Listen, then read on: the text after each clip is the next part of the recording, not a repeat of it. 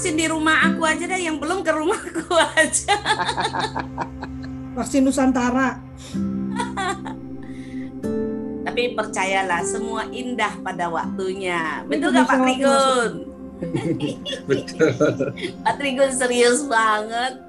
Mindful Lagi. dong, mindful. Nah ini Bu Misna udah masuk. Ya, udah masuk ya. Nah itu dia. Oke, okay, kita mulai ya Bu Misna. Ya, silakan. Ini sudah live juga mulai, ya, ya, silakan. Alhamdulillah, terima kasih Bu Misna. Kita udah live juga ya. Uh, kita mulai ya. Oke. Okay. Uh, selamat pagi. Uh, selamat bertemu kembali dalam Kultur Parenting Pagi edisi hari Jumat 26 Februari tahun 2021. Uh, memang parenting uh, kultur parenting pagi uh, karena minggu uh, hari Rabu kemarin ya kita per pagi jadi jam 7 uh, rupanya nyaman untuk Cimeli juga lalu kita sepakati kita 30 menit lebih awal yaitu jam 7 pagi. Jadi awalnya Lovely pengen lebih siang tapi langsung kita putuskan lebih pagi sajalah gitu. Uh, dan kita berharap akan lebih banyak yang bisa bergabung karena mungkin masih bersiap-siap gitu di kantornya jadi belum mulai bekerja. Pagi ini uh, kita akan bicara tentang literasi Uh, kalau kemarin kita bicara tentang literasi digital kalau nggak salah, maka pagi ini kita akan bicara tentang bagaimana membangun budaya literasi di dalam keluarga. Cocok banget dengan Permendikbud nomor 30 tahun 2017 tentang fungsi keluarga dalam pendidikan, fungsi strategis keluarga di dalam peran strategis keluarga dalam pendidikan anak. Kak Meli juga bilang katanya baru kemarin ngomongin tentang uh, literasi, jadi pasti pertanyaannya banyak di hari ini. Silakan Cimeli langsung saja Lovely mau bagikan uh, link.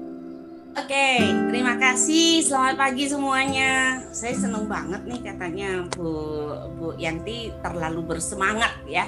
Uh, tapi terus terang aja gini, kalau menurut United Nations Development Program gitu ya, bahwa indeks pembangunan manusia di Indonesia ini urutan ke-113 dari 188 negara. Nah, ini akan uh, sangat berhubungan dengan kualitas manusia ya, kualitas sumber daya manusianya di Indonesia. Nah, uh, Lovely dan Bapak dan Ibu semuanya ya, saya sendiri nih, saya pribadi sendiri tuh selalu berpikir, uh, saya tahunya bahwa literasi itu ya uh, kemampuan dalam membaca gitu ya, kemampuan dalam membaca dan menurut uh, apa kita di Indonesia ini literasi di Indonesia itu menempati urutan ke uh, dari PISA ya jadi menempati urutan ke 60 dari 62 negara gitu ya. Jadi nah itu ternyata kemarin juga saya tuh baru bahas nih sama teman-teman gitu ya bahwa literasi itu bukan hanya kemampuan untuk membaca toh gitu ya tetapi bagaimana kita itu uh, punya kemampuan menyerap ini misalnya menyerap menyerap, habis menyerap itu kita mengolah juga gitu ya, mengolah ya. Nah setelah kita ngolah kita bisa nggak menyajikannya kembali ya. Jadi jadi itu adalah kemampuan literasi yang menurut saya oh itu missing banget gitu ya. Nah ternyata bagaimana anak-anak nih usia uh, dari SD kelas 1 sampai kelas 2 itu harus berapa kata di dalam sebuah kalimat itu ternyata sangat penting sekali gitu loh supaya anak-anak itu itu jadi mengerti. Oh membaca itu ternyata menyenangkan ya gitu. Kenapa? Karena dia mengerti apa yang dia baca gitu ya. Jadi hari ini uh, saya sangat senang sekali gitu ya bahwa ini nyambung banget dengan pembahasan-pembahasan gitu. Dan saya juga ngerasa bahwa uh, buat saya sebagai penulis ya sebagai penulis saya perlu memikirkan bagaimana saya mentransfer ilmu yang ada saya dengan literasi yang kekinian gitu ya bagaimana saya memperhatikan cara pembaca uh, bagaimana menyajikannya itu kepada si pembaca sehingga sehingga pembaca itu senang dengan bacaan yang saya sediakan gitu ya. Nah, nanti mungkin saya akan uh, informasi sedikit juga tentang buku saya nih ya yang mindful parenting ini. Ternyata ini literasi banget gitu ya, sederhana. Saya bikin dalam bentuk banyak sekali gambar ya. Ini nggak kelihatan nanti nanti uh, saya akan kasih linknya. Jadi nanti bapak dan ibu bisa uh, download ya download dari uh, Kementerian Pembangunan Manusia dan Kebudayaan ya jadi uh, pakai link revolusi mental ya. Jadi nanti bisa ketemu buku saya itu gitu. Nah hari ini menambah wawasan kita tentang literasi tentunya kita menghadirkan seorang pakar yang sangat mengerti bagaimana literasi itu perlu uh, kita sadari dan tumbuhkan di dalam diri kita sendiri dulu sebagai orang tua itu menjadi literatnya dulu. Ketika orang tua menjadi literat, otomatis nanti anak-anak kita juga akan mengikuti kita menjadi seorang literat ya. Nah, jadi kita bahas betul tentang uh, fung apa sih manfaatnya literat itu, literasi itu apa gitu ya. Silahkan Ibu Miss Nawati uh, waktunya kita berikan 20 menit ya Bu. 20 menit mesti padat dan supaya kita pulang dengan isi yang bagus ya. Oke terima kasih. Selamat uh, silakan Bu. Oke terima kasih Kak Meli uh, sama Kak Lovely uh, saya buka. Bismillahirrahmanirrahim. Assalamualaikum warahmatullahi wabarakatuh.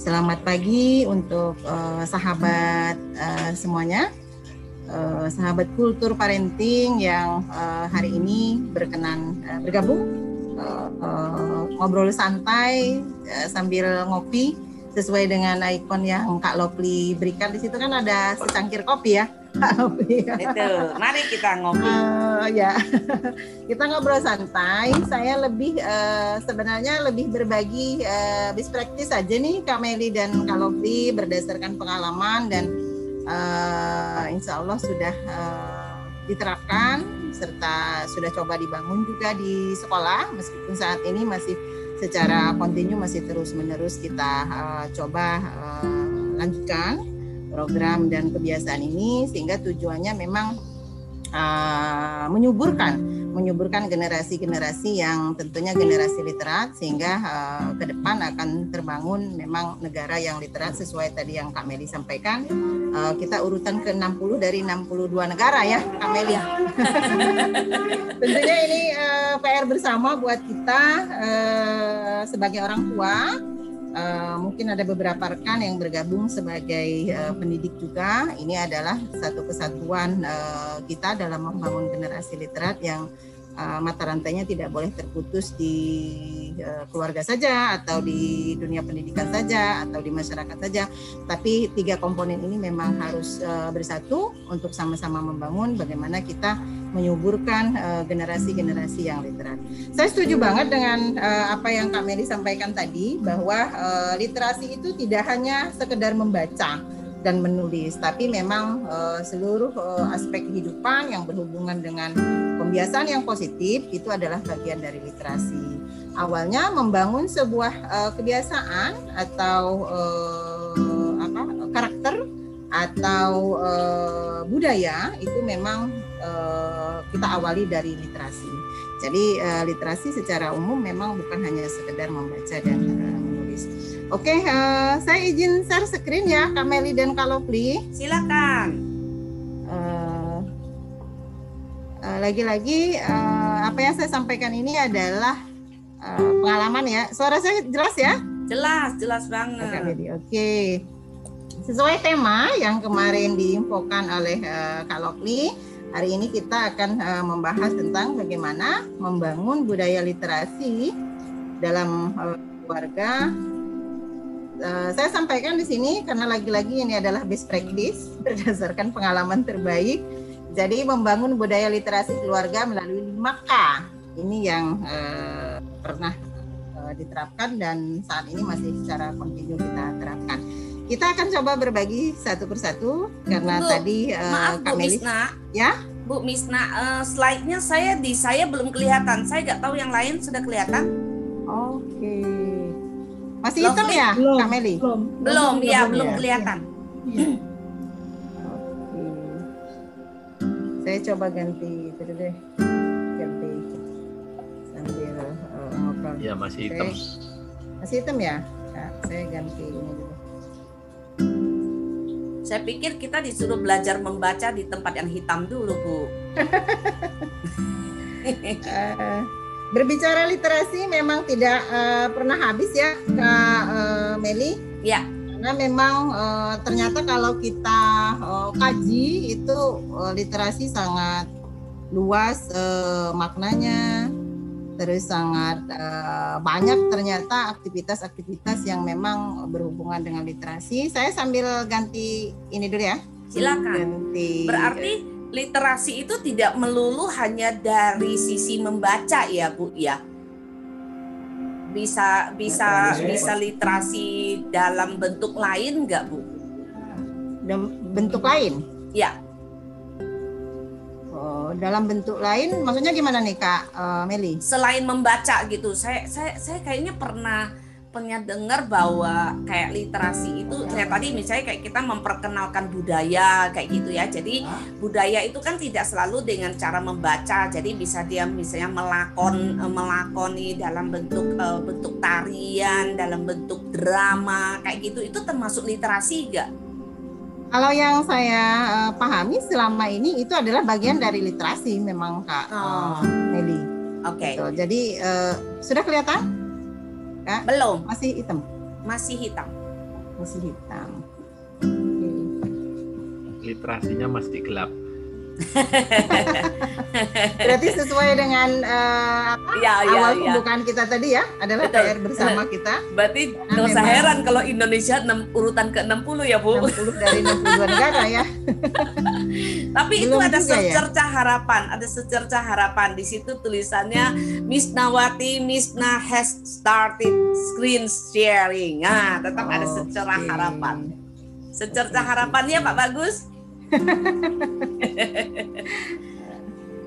Oke. Ya, tapi kita bicara tentang mindset ya lagi-lagi ya. Ya, betul, betul, betul. Belum eh, nampak juga ya Kak? Belum. Oh. Padahal sinyalnya cukup penuh ya di saya. Mungkin Oke, bisa dibantu uh, send WhatsApp ke uh, Kak grup kita. Terus nanti di share sama yang lain. Ya, share ke oke. Lovely aja. Ya, Eh, share ke Kak Lovely ya. Nah, Pokoknya apa pun yang nggak bisa kasih ke Lovely. Saya coba buka. beres. Sama dia beres. Dia Nah, dia eh, dia sangat bahagia.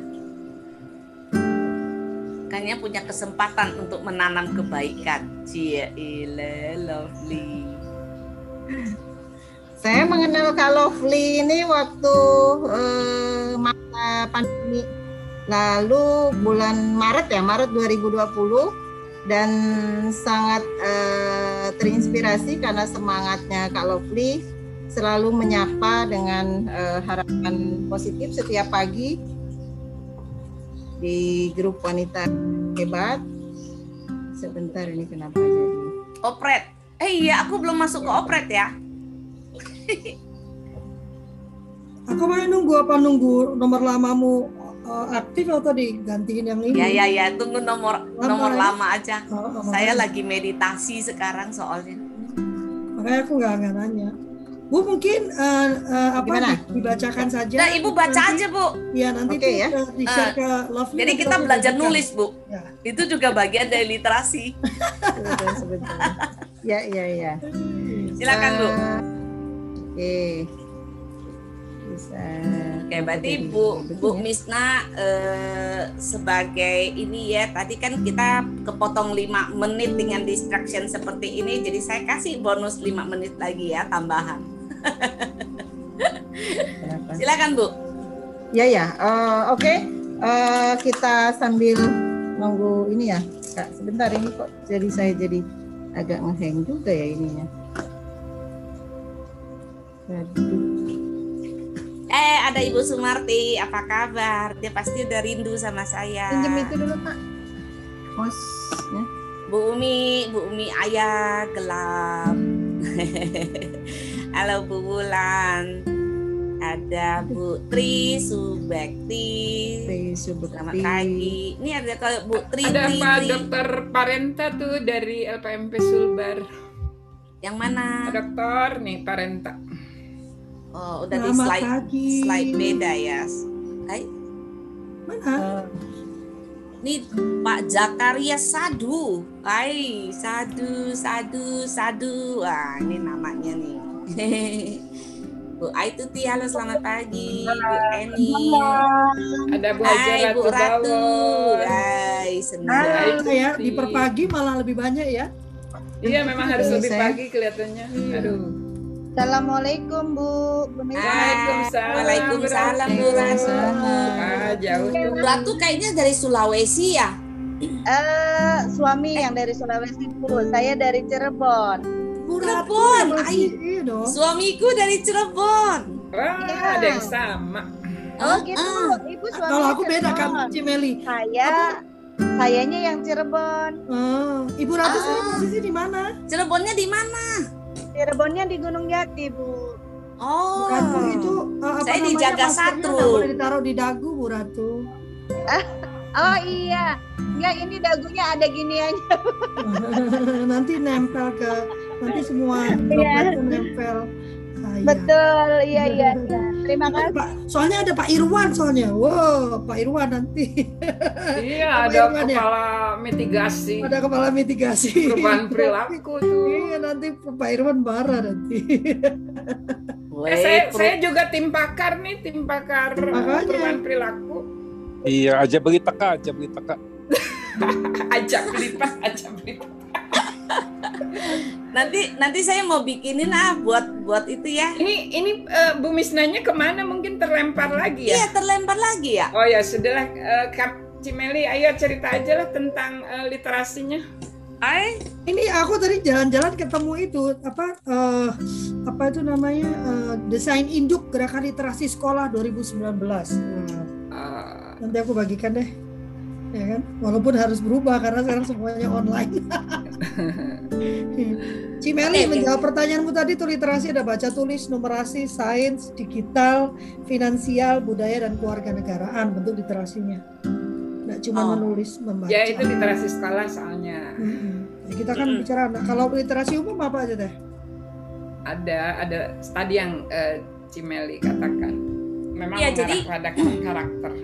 Hmm. Iya, jadi jadi sebenarnya literasi itu adalah eh, kemampuan ya, kemampuan seseorang itu untuk dia menyerap, terus kemudian dia mengolah dan Hmm. setelah eh, dia sudah mengolah, mengolah gitu ya, akhirnya dia bisa Oh, menyajikan kembali ya untuk di sekitarnya eh, dan membawa sesuatu yang baik gitu gitu jadi itu itu itu fungsinya Ya Bu, kita langsung di situ biar Nah, biar di foto kelihatan. Biar cepet. oh Bu Ratu, Bu Ratu yang mau foto. Kirain Bu, Bu Misna Kirain Bu sudah Misna, udah ternyata Bu Ratu. Nah, iya. Hmm. Ya, oh ini dia, jadi- lanjut, lanjut. baru masuk. Ya, jadi menurut saya itu eh, jadi saya semakin memahami ya gitu misalnya kenapa hoax itu begitu mudah Oh, sekali iya. menyebar. Ya kan? Gitu. Hmm. Karena kemampuan untuk menyerapnya itu cuman mungkin hanya sampai di tempat dia menyerap aja. Oke, saya udah baca tulisan ini. Oh, ya ini langsung lempar aja gitu. Tapi menganalisa. Iya. tidak diolah kembali, tidak dianalisa kembali gitu ya. Terus nah nanti habis itu oh kalau yang bagus ini kan kadang kita tidak bisa menyajikannya mentah-mentah gitu. Hmm. Nah, jadi mungkin ya dengan satu tulisan yang yang yang baik kalau eh, dengan satu tulisan yang ada, mungkin cara saya mengolah sama caranya eh, Lovely mengolah, caranya Iya, Pak. Bagus mengolah itu bisa berbeda gitu. Nah, tetapi ya, tetapi kita pada di ujungnya itu bahwa apa yang kita olah itu kalau kita mau menyajikan kembali, nah kita mesti berpikir bahwa yang kita sajikannya itu membawa dampak yang positif nggak, membawa dampak yang baik nggak buat orang-orang di sekitar kita gitu. Kalau iya, baru kita sajikan. Nah, kira-kira yang saya dapatkan tuh seperti itu. gitu loh. Ya itu kan high order Iya, thinking. memang memang memang secara secara spesifik eh, di di apa ya eh, pengertiannya juga mengarah pada eh, kemampuan kita sebagai individu untuk uh, ini ya mengolah informasi agar inilah berguna untuk uh, meningkatkan kecakapan hidup kita kan. Jadi kalau kalau tidak berguna ya ngapain gitu itu bukan bukan. Ini pas. Bu Jadi- Misnawatinya udah masuk lagi ya Ibu Misna, udah siap kah? Itu jadinya kita yang presentasi. menata menata.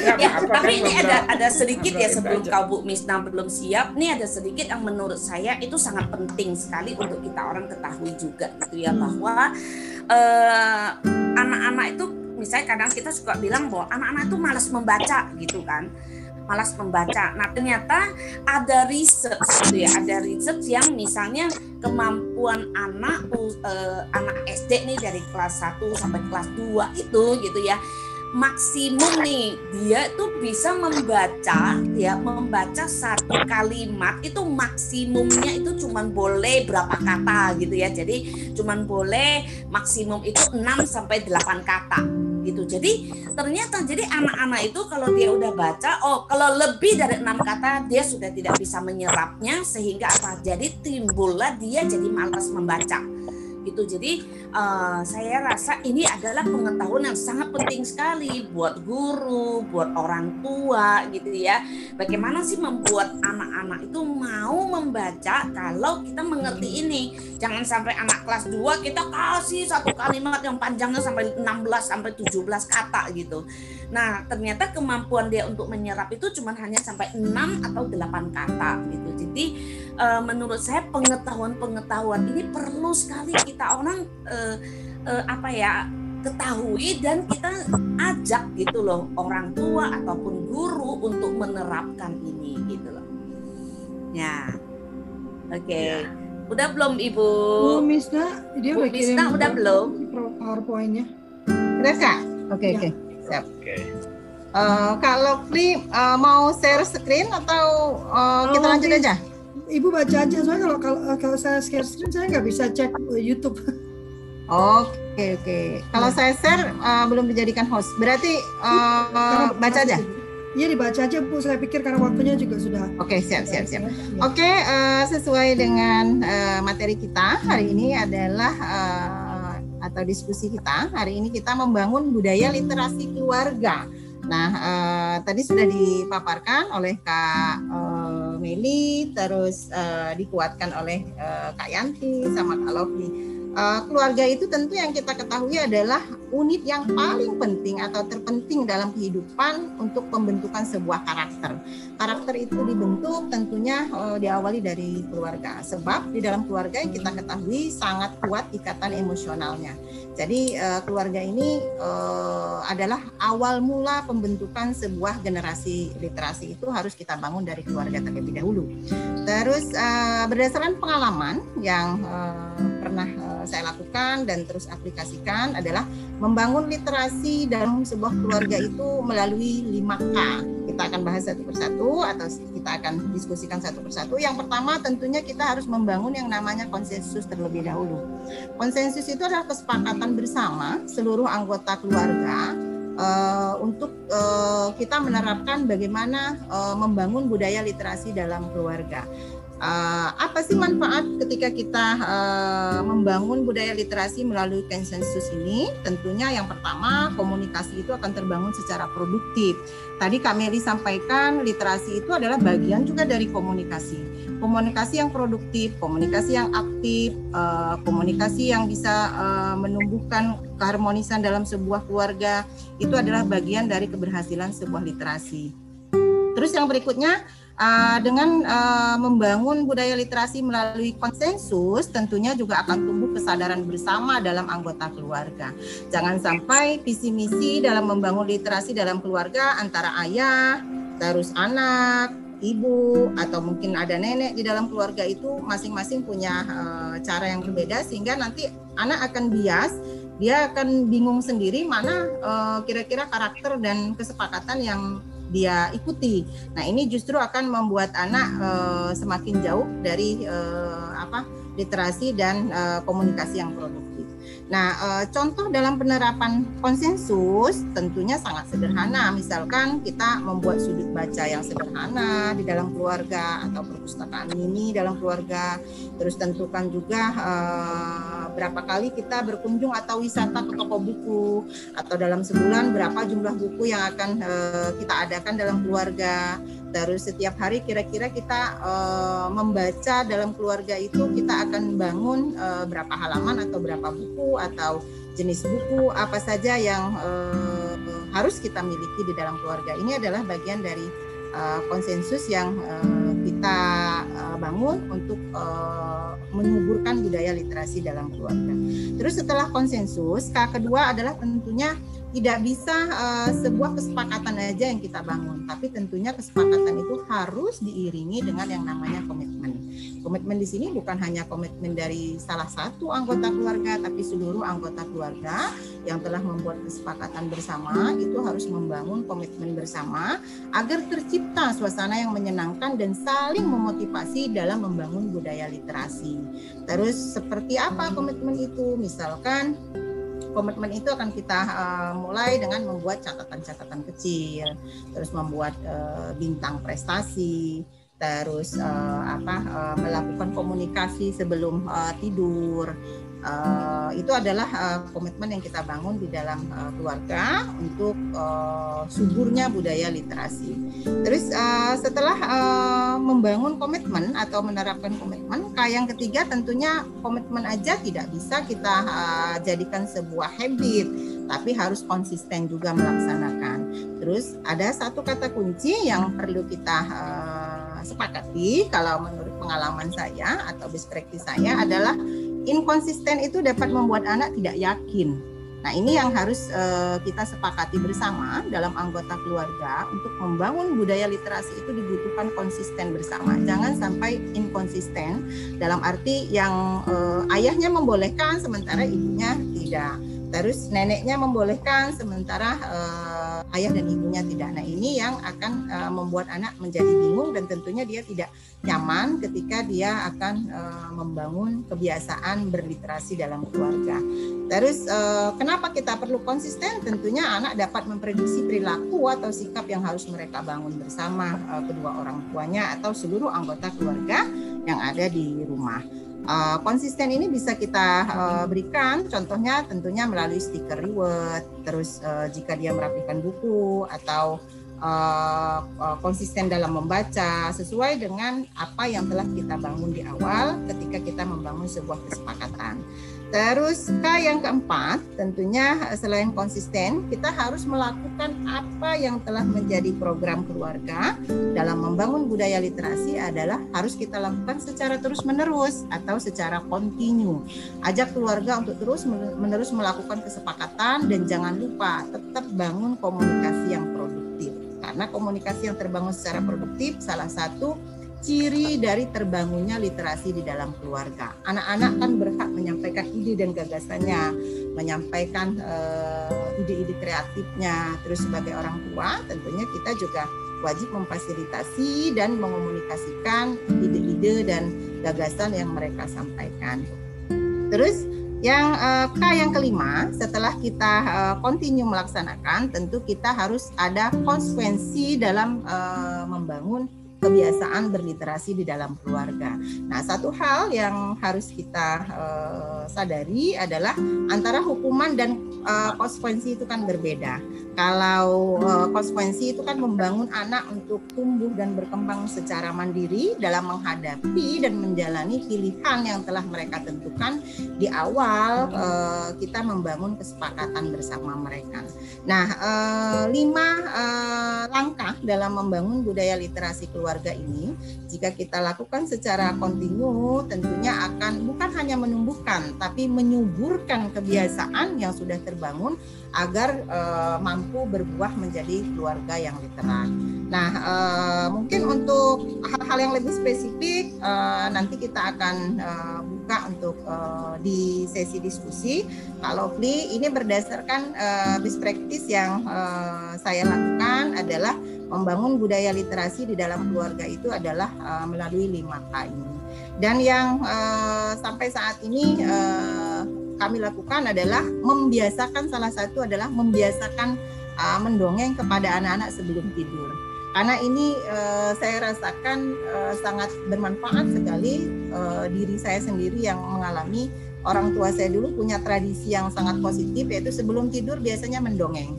Dan ketika mendongeng benar apa yang dikatakan uh, Kak Meli tadi uh, bukan hanya sekedar uh, menyerap informasi setelah itu lewat begitu saja, tapi betul-betul bisa memproduksi kata-kata itu menjadi sebuah uh, pengalaman jangka panjang, pengalaman positif yang uh, juga selain memproduksi kalimat atau kata yang kita sampaikan melalui mendongeng itu, tentu anak-anak juga akan menyerap uh, apa amanat atau pesan moral yang terkandung di dalam uh, dongeng tersebut.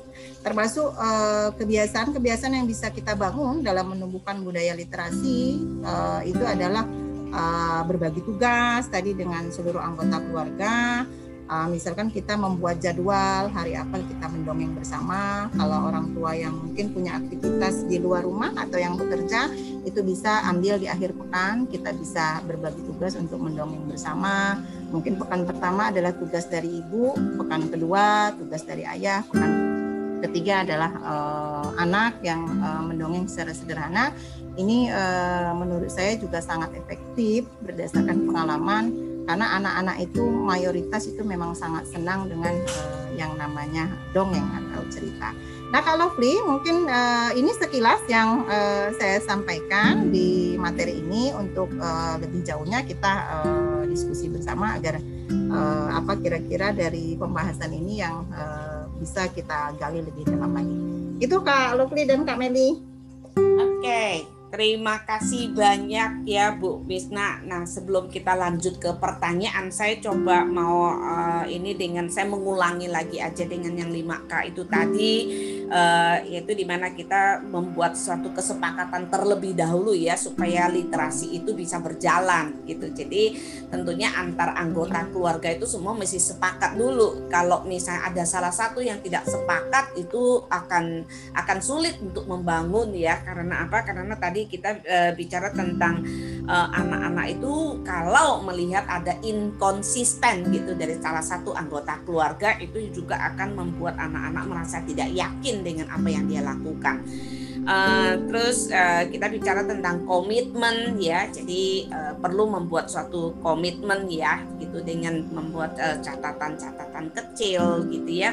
Terus uh, seluruh anggota gitu ya. Jadi kita bicara bahwa oke okay, ketika literasi ini kita ingin terapkan di dalam keluarga kita, artinya kita semua punya suatu komitmen gitu dalam menye, mensukseskan acara literasi yang yang kita lakukan di dalam rumah terus uh, konsisten tentunya gitu ya kalau sebuah komitmen itu tidak akan menjadi sebuah komitmen kalau tidak ada konsistensi kita dalam merealisasikan komitmennya kita Terus uh, nah ketika bicara komitmen sudah ada, kita konsisten tentunya kita harus berkesinambungan ya, harus berkesinambungan dan terus menerus gitu.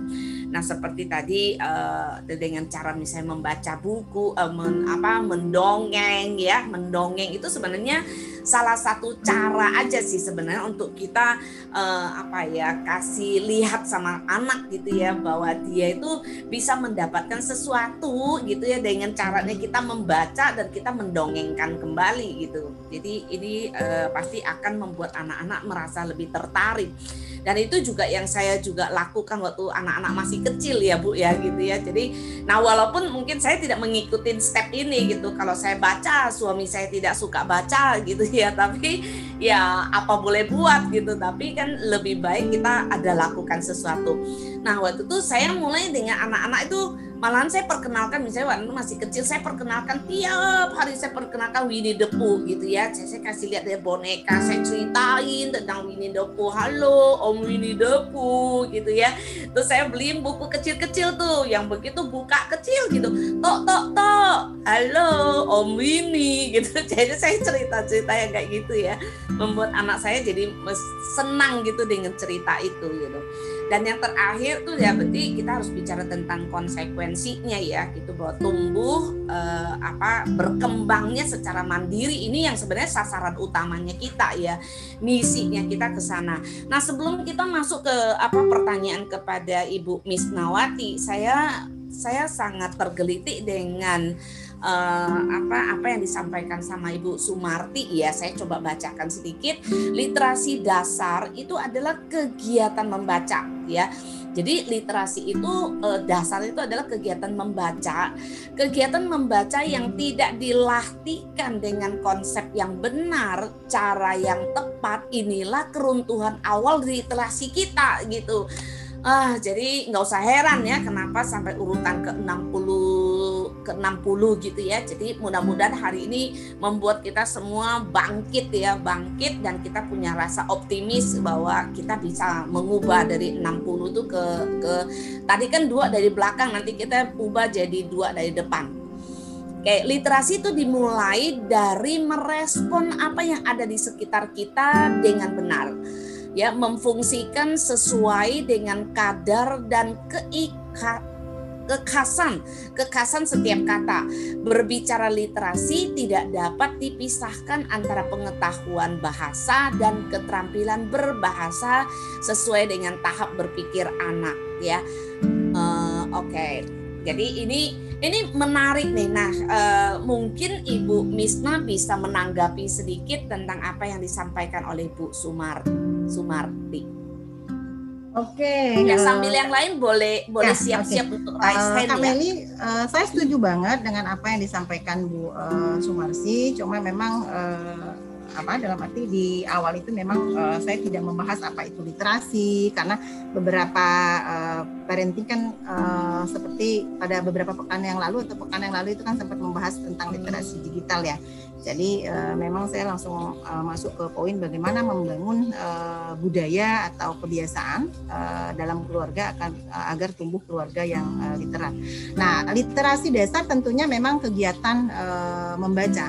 Uh, kegiatan membaca yang tidak uh, dilatih dengan konsep yang benar itu justru akan membuat anak jauh dari yang namanya kegiatan membaca. Betul sekali.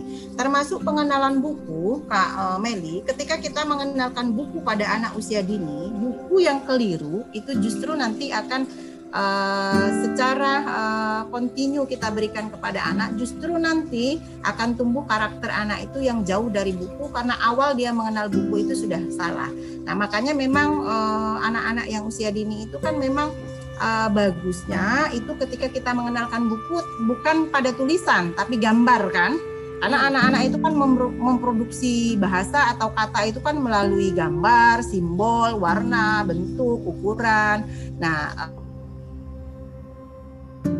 baik jika memang ketika kita mengenalkan buku kepada anak, kita memang mampu memilah dan memilih buku mana yang memang buku sesuai dengan tahap usia anak-anak. Nah, ketika anak baru belajar membaca, langsung kita ajak untuk melihat buku yang deretan Setebal. kalimat yang penuh.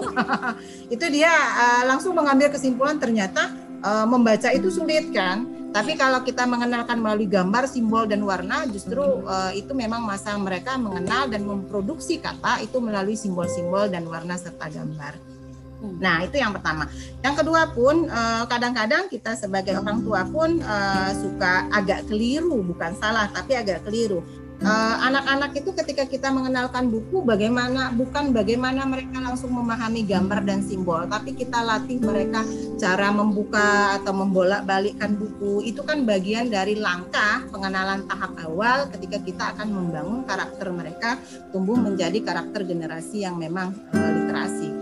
Nah, eh, makanya memang anak-anak yang memang usianya sangat dini, kita ajak mereka untuk eh, melihat buku, jangan langsung kita eh, masuk ke dalam simbol-simbol itu, tapi bagaimana mereka tertarik untuk membuka halaman per halaman itu adalah bagian langkah awal agar mereka tertarik untuk melihat bagaimana isi buku tersebut. Jadi saya sangat setuju nih Kak Meli ketika kita salah di awal itu menerapkan eh, apa literasi itu memang membuat anak justru jauh dari makna literasi yang sebenarnya.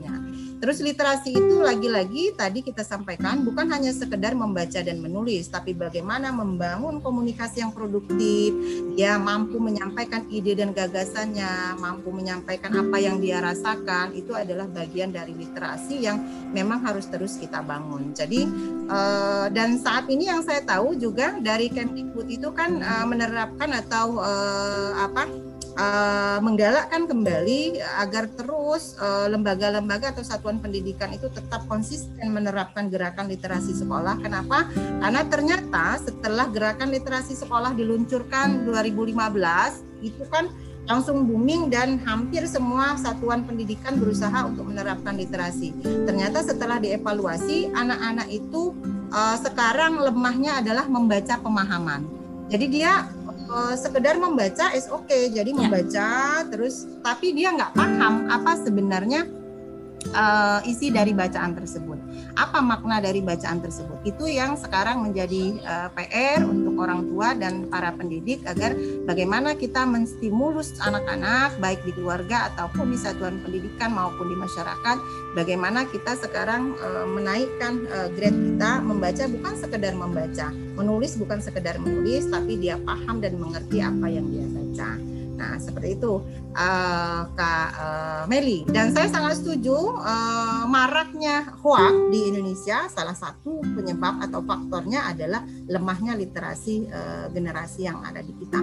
Jadi tidak bisa uh, membedakan mana yang kira-kira informasi dan termasuk tidak bisa uh, melakukan langkah-langkah ketika akan mengklarifikasi sebuah informasi yang didapat. Jadi langsung ditelan mentah-mentah itu menunjukkan memang uh, lemahnya uh, literasi di tradisi kita atau di uh, di daerah kita atau di negara kita lah yang harus terus kita uh, galakkan. Makanya memang sangat berharap uh, mulai dari keluarga karena itu adalah lingkup paling kecil dan paling uh, utama dalam membangun uh, literasi karena uh, yang kita tahu sesuai dengan uh, apa uh, teorinya uh, teori pembelajaran uh, behavior kan lingkungan itu sangat mempengaruhi ya perkembangan manusia itu uh, pengaruh utamanya adalah lingkungan. Lingkungan di sini tentu kita awali dari lingkungan keluarga. Jadi mampunya membangun budaya literasi di keluarga tentu akan berdampak kepada uh, lingkungan sekolah dan yang lebih luas lagi akan berdampak kepada lingkungan masyarakat. Seperti itu Kak Meli. Oke, jadi luar biasa sekali ya. Jadi kita bicara tentang literasi itu lagi-lagi tidak hanya sekedar membaca dan menulis, tetapi itu membangun kecakapan hidup gitu ya. Tadi yang disampaikan sama Bu Miss Nawati itu tentang bagaimana anak-anak itu ketika dia pegang buku gitu ya, begitu misalnya dia buka satu lembar di satu lembar di situ sebenarnya kita sudah mengajarin anak tentang gerak motorik halusnya, ya mempraktekkan motorik halusnya terus bagaimana juga anak-anak itu juga uh, mestinya dia waktu dia buka buku itu mesti hati-hati jangan sampai sobek gitu. Berarti kan itu ada karakter supaya dia tuh uh, peduli gitu ya peduli bahwa bahwa uh, buku ini bermanfaat yang harus dia jaga seperti itu gitu. Oke bu ini ada pertanyaan dari Pak Agus nih. Bagaimana cara merubah kebiasaan anak yang banyak menyerap ilmu dari melihat dan menonton daripada mereka membaca. Nah uh, ini kan nggak bisa disalahkan juga karena uh, ya banyak yang masih masih excuse dengan kesibukan kesibukannya gitu ya. Sementara orang tua juga sendiri orang tua sendiri juga jarang sekali membaca sehingga anak-anak itu tidak mendapatkan modeling gitu. Jadi anak-anak ini kebanyakan tuh uh, mendapatkan ilmu-ilmunya tuh dari dia menonton gitu. Nah kira-kira bagaimana sih? Mungkin pertanyaannya Pak Agus ada bisa nggak kita mengubah anak yang dari uh, menyerap dari tontonan sekarang kita mau balikin dia ke arah untuk membaca. Nah, uh, pertanyaan yang sangat uh, bagus nih Kak Meli mudah-mudahan mewakili kita semua sebagai orang tua. Uh, bagaimana kita mengubah kebiasaan yang uh, tadinya uh, aktif melihat uh, internet, uh, gawai uh, melalui gawai uh, ke uh, media cetak atau buku. Nah, uh, kembali lagi uh, kebiasaan itu dibangun tentunya ada uh, role model di dalam sebuah lingkungan itu. Jika di dalam lingkungan itu role modelnya memang uh, menunjukkan kebiasaan yang sama dengan apa yang dilakukan oleh putra-putri kita, tentunya kita juga harus introspeksi diri sebagai orang tua bahwa ada sesuatu uh, perilaku atau sikap atau budaya di dalam keluarga itu yang memang secara bertahap harus kita komunikasikan dengan uh, anggota keluarga dan memang harus kita rubah.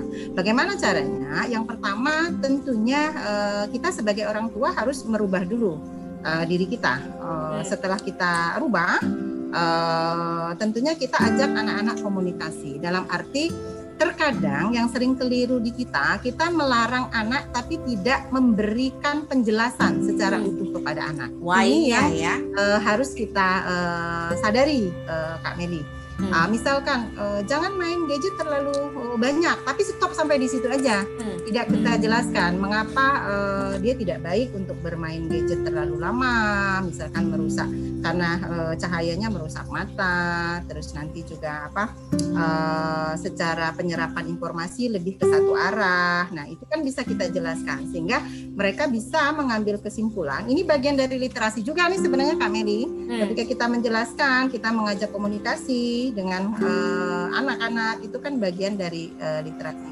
Nah, jadi eh, apa yang menyebabkan kita mengeluarkan kesepakatan atau mengajak anak-anak untuk merubah kebiasaan kita, kebiasaan yang sudah dilakukan selama ini, itu tentunya harus kita jelaskan terlebih dahulu Eh, sebab dan akibatnya kenapa itu harus eh, kita rubah. Nah, setelah kita jelaskan ke anak-anak, tentunya langkah berikutnya adalah kembali lagi kita bangun komitmen bersama anak-anak.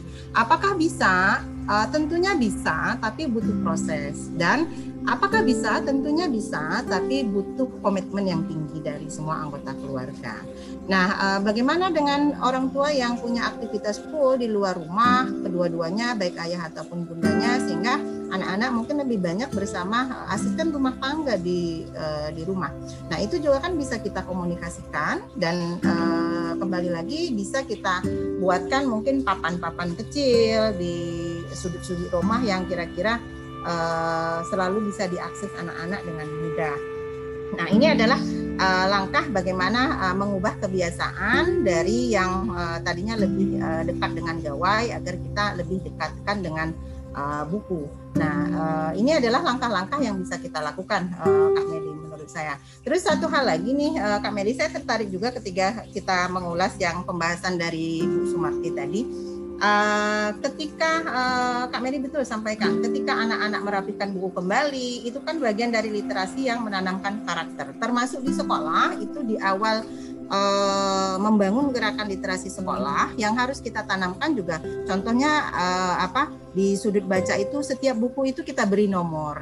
Nah, dalam memberi nomor itu kan itu adalah eh, langkah-langkah kita eh, contohnya di rak buku kita berikan nomor terus di buku kita berikan nomor. Anak-anak nanti akan mengklasifikasikan atau mencocokkan antara nomor yang di buku dengan nomor yang di eh, rak buku. Nah, itu kan sebenarnya eh, literasi tapi yang pertama adalah sudah pengenalan angka ke anak-anak atau numerasi Numerasinya dapet ya. Betul. Jadi masuk ke literasi numerasi, terus penguatan pendidikan karakternya harus mengembalikan sesuatu pada tempatnya. Nah, Ya. jadi memang eh, literasi ini sangat eh, efektif ketika mampu kita terapkan itu akan membangun seluruh eh, komponen di dalam aktivitas kita eh, dalam kehidupan eh, sehari-hari.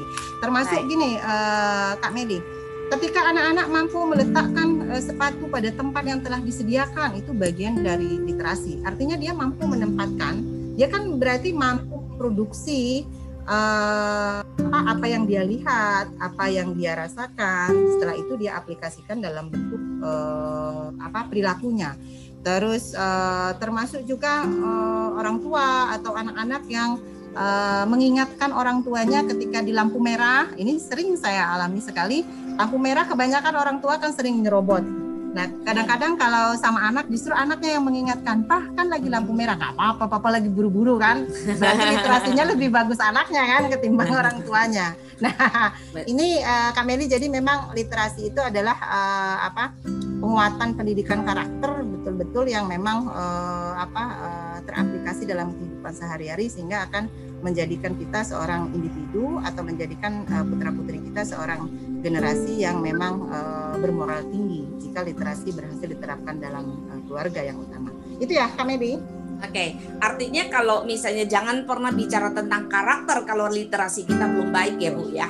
Yes, setuju. Jadi Oke. karakter itu kita lihat literasi di keluarganya baik atau tidak, atau produktif atau tidak. Siap. Nah, berarti Pak Agus tadi sudah dapat eh, dapat satu satu jawaban ya. Jadi berarti Pak Agus mesti eh, berhenti dulu, berhenti dulu untuk menyalahkan anak yang banyak menonton gitu ya. Tapi mulai hari ini Pak Agus oke start. Pak Agus bawa buku, ajak anak untuk kasih lihat sama anak bagaimana Pak Agus mulai membaca buku dan nanti ajak anak. Jadi ceritakan dengan apa yang Pak Agus bacakan.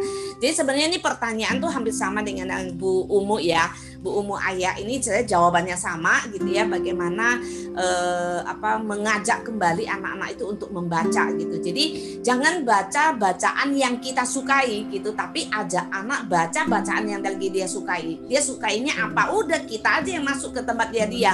Oke, bacaan itu jadi menambah eh, maka dia lagi cerita tentang tentang bintangnya Korea gitu misalnya tapi kita masih ngajak dia cerita tentang Siti Nurbaya yang nggak nyambung gitu. Jadi mungkin perlu masuk ke apa sih yang sekarang lagi tren buat anak-anak ya. Oke, ini ada pertanyaan dari dari YouTube ya. Nih, saya Ardina, perkenalkan saya Ardina sebagai pendidik. Kalau dari kecil tidak dibiasakan membaca atau orang tua mendongeng, apakah masih memungkinkan ketika sudah bertumbuh menjadi eh, bertumbuh bi, menjadi bisa literasi? Dokter Bagus Satria harus tahu dulu apa itu definisi keluarga menurut Satoshi Kana- Kanazawa perkembangan budaya fondasinya pada unit keluarga utuh sehingga negara yang berhasil tes pisahnya baik jika keluarga utuh. Eh, ini maksudnya Pak Agus yang kasih jawaban ya. Oke, eh apakah masih memungkinkan? Jadi istilahnya eh, maksudnya bagaimana sih kalau misalnya orang tuanya itu tidak tadi, tadi tidak memberikan contoh gitu ya. Jadi masih memungkinkan ke literasi itu berkembang gitu ya eh, untuk untuk anak gitu kalau seandainya orang tua tidak melakukannya itu. Saya pikir mungkin jawabannya sama aja gitu ya bahwa orang tua yang harus memberi, menjadi model, menjadi model buat eh, anak-anak. Ini ada tambahan dari Ibu Siti Nur ini yang menurut saya sangat bagus juga, sangat menarik. Kami dari Taman Kanak-kanak juga menstimulus anak-anak dengan program Read Aloud ya. Jadi membaca buku dengan suara yang kencang gitu ya di era PDR ini dengan kalimat singkat terdiri dari tiga kata dengan gambar yang besar. Oh, bagus sekali ya. Oke, eh, ini ada pertanyaan dari Hazira. Hazira, apakah membacakan cerita pada bayi ya untuk 9 bulan dengan membacakan cerita berdurasi 4 sampai 5 menit diperbolehkan? Bagaimana baiknya strategi membacakan cerita untuk bayi eh, atau toddler? Silakan Bu Min Misna. Uh, bagaimana strategi menceritakan uh, apa uh, cerita pada bayi gitu ya Kak Meli Ya, ya, ya. ya. Maksudnya kalau kalau kalau bayi itu kan pasti nggak bisa membaca dong gitu kan. Jadi Ya. misalnya, nah bagaimana dia mau mem- eh, kalau saya baca ini bagaimana dia memperkenalkan literasi kepada anak umur 9 tahun eh 9 bulan gitu ya. Nah, selama ini dia membacakan cerita dengan durasi 4 sampai 5 menit. Apakah ini eh, baik gitulah kira-kira seperti itu pertanyaannya.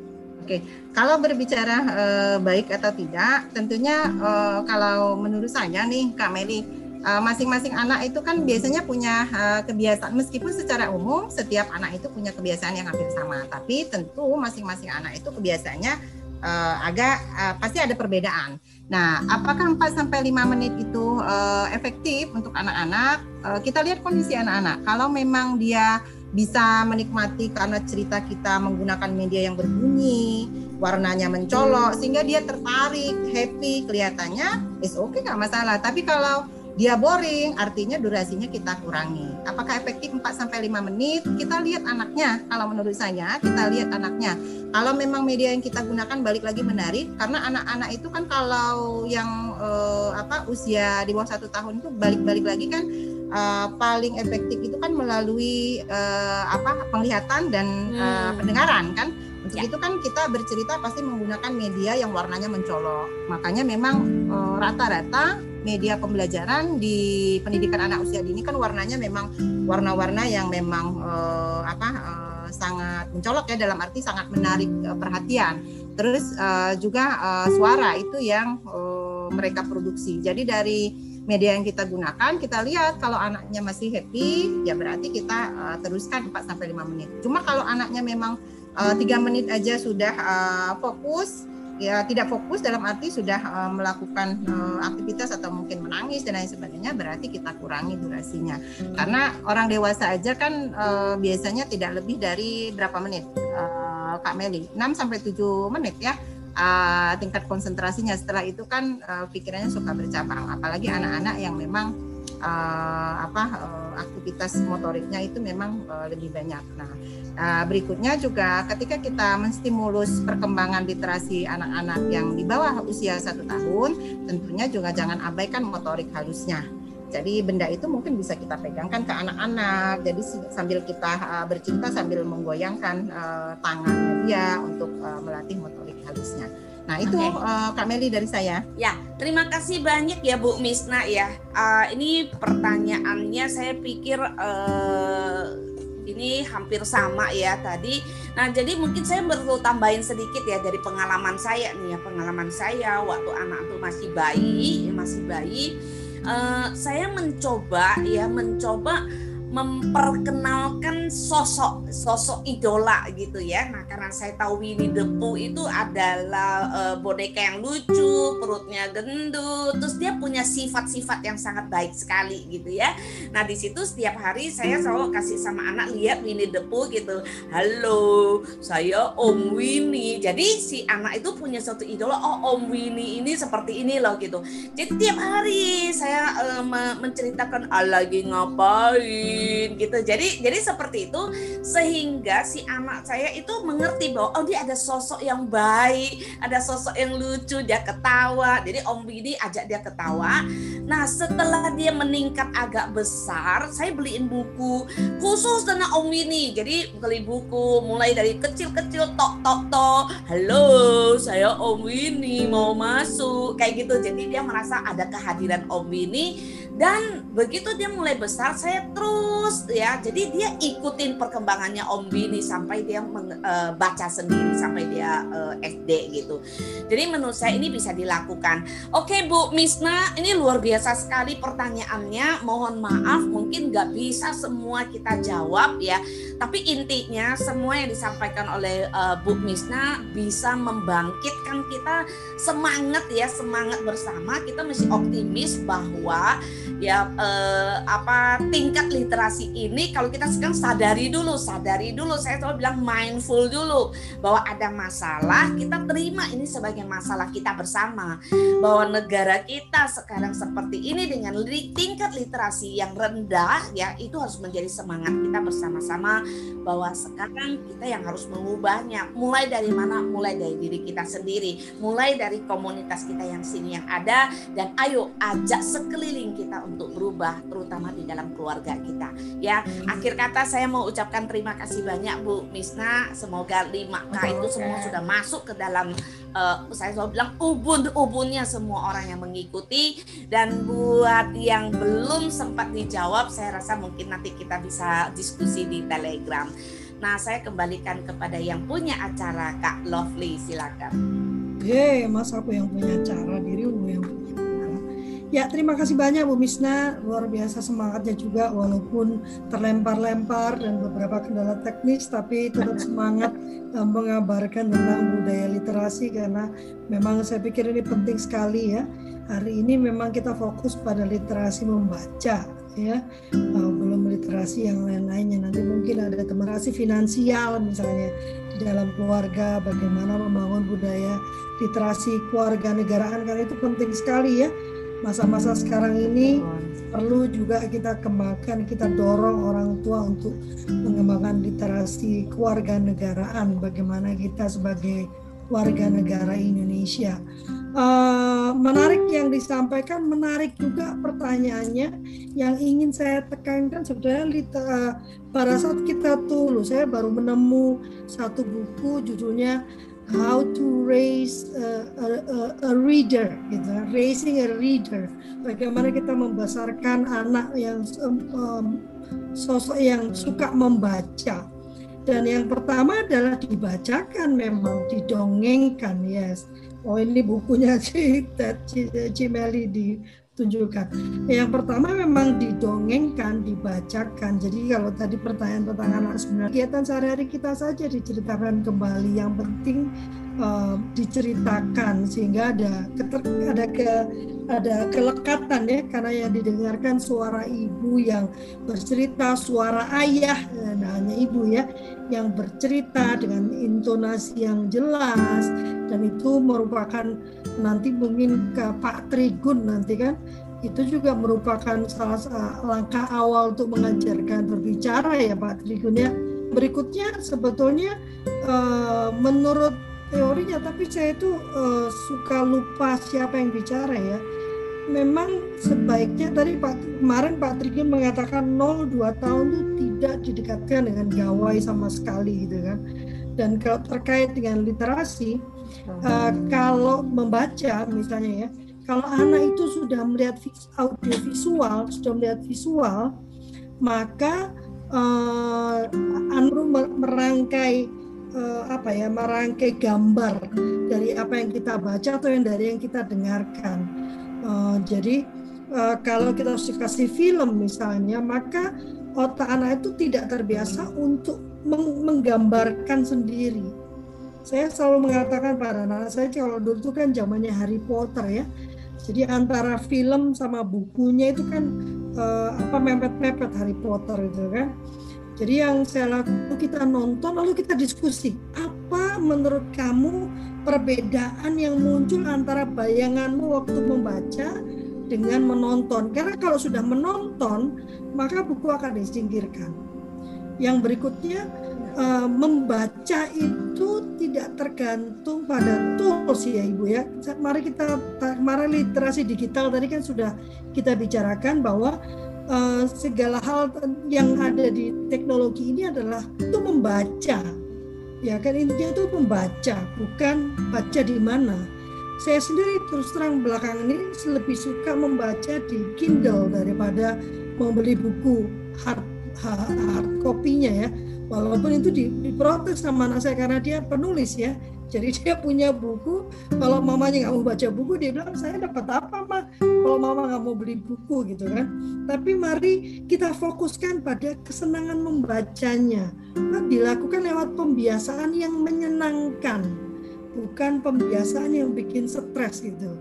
Dan salah satu kalau pada orang tua memang dipaksakan dari Cimeli pertanyaannya dia sudah dewasa dan sejak kecil tuh dia tidak pernah dibiasakan membaca. Jadi dia ingin mengubah kebiasaannya. Nah, kalau orang dewasa mengubah kebiasaan itu kita memaksa diri kita sendiri. Misalnya 20 eh, menit saja atau yang paling gampang majalah dulu. Majalah yang kita senangi kita baca satu hari lima menit setiap hari selama tiga bulan lalu ditambah ditambah masuk ke uh, topik yang lebih berat mungkin. Karena sering kali kita mengatakan membaca itu kalau kita baca buku yang topiknya berat. Kalau baca buku yang menyenangkan itu bukan membaca. Saya sering dapat keluhan anak saya nggak suka baca kalau beli oh ya iya sukanya komik aja. Lah itu kan sudah baca gitu kan. Bisa melanjutkan. Kita uh, live jadi keliru ya kak Lovely kenapa? ya? Jadi keliru ya, ya uh, karena ya. Eh, karena kita terlanjur melihat karena kita sudah terbiasa melihat membaca itu sebagai bagian dari mata pelajaran. Ya kan? Kita ya. melihatnya itu sebagai uh, target untuk menyelesaikan SD gitu kan? Saya bahkan uh, baru mendengar satu sekolah yang ya terima kasih Pak Karim baru satu sekolah yang yang menawarkan kursus membaca dan menulis supaya siap masuk SD nah ini kan konsep yang sangat keliru gitu loh ya kan? Kalau anak diajarkan membaca dulu sebelum dia suka bacaannya, nah ini inilah menurut saya kalau Bu Sumartia awal dari kehancuran literasi baca menulis gitu. Kalau membacanya dulu, jadi keterampilan membacanya dulu, alih-alih kesukaannya untuk memba, apa, membaca, nah, ini maka baca itu menjadi uh, sebuah kewajiban, tidak menyenangkan. Saya punya murid-murid yang masih setengah mati nih. Saya coba kembalikan menyenangkannya membaca itu. Ya, dan jangan khawatir, pilih bacaan yang memang menyenangkan. Yang penting itu cara membacanya. Cimeli, waktu anak-anakku kecil dia aku bacakan buku-buku sastra soalnya, ya kan? Karena saya ingin sekali uh, eh, kalau tunagrahita, tunagrahita itu tunarungu ya. Tunagrahita itu apa? Bukan, tunagrahita itu Tunagrahita. yang yang Oh. yang kelompok misalnya Ya, kayak jadi Down syndrome, literasinya harus gitu. diturunkan eh, apa eh, Bu Halimah ya. Jadi kita tuh setiap anak itu unik, setiap manusia itu unik. Dia punya eh, apa punya eh, standarnya masing-masing ya. Jadi ya ya harus disesuaikan dengan kemampuan anak. Saya rasa saya bisa menjawab tapi ada dua orang ahli di sini yang mungkin lebih bisa menjawab ada, ada Pak Bagus, ada Pak Trigun. Saya mengundang karena ini waktu jam 8 lebih 7 saya mengundang Bapak Ibu Saudara untuk bergabung dengan kami di Facebook grup eh, Kultur Parenting atau di Telegram Kultur Parenting. Pak Bagus ada di situ, Dokter Bagus ada di situ, eh, Pak Trigun ada di situ. Eh, nanti bisa ini kan saya ajukan untuk diberikan jawaban Pak Bagus ya. Nanti saya WhatsApp ke Pak eh, Dokter Bagus, saya akan WhatsApp juga ke Pak Trigun untuk dijawab karena saya pikir kenapa kultur parenting ini diadakan bukan lovely narasumbernya ya, tapi narasumbernya adalah para pakar-pakarnya pada bidangnya. Jadi lebih jos nanti kan. Nanti saya jawab ya Ibu ya di Bu Halimah ya bergabung di Facebook grup uh, uh, Kultur Parenting ya. Ini masih ada yang masuk loh. Jam 8 lebih 8. Wah, luar biasa. Nah, Cimeli kita mau live? Ya. Oke, setelah ini kita akan kami akan live di Instagram uh, Mama Radel uh, lalu Meliki Melikiom atau menata keluarga kita hari ini. menata keluarga boleh. Oh, berarti oke. Kita akan live di uh, Lovely Ker- eh, uh, Mama Radel, lalu menata keluarga dan Yanti Kelip. Moga-moga Teh Yanti masih masih bergabung dengan kita karena dia hari ini sangat-sangat sibuk. Ada hal yang harus dia urus pagi ini. Oke, soft coffee bisa Ibu? Mohon uh, siap. Uh, silakan mengisi absen. Uh, saya sudah dapat soft copy-nya. Uh, nanti saya bagikan ke Telegram group. Uh, dan kemudian juga uh, saya bisa bagikan ke WhatsApp grup ya. Dan nanti juga akan ada resume di Facebook Facebook grup uh, Kultur Parenting. Aku kok hari ini capala-pata banget ya, kepagian kali.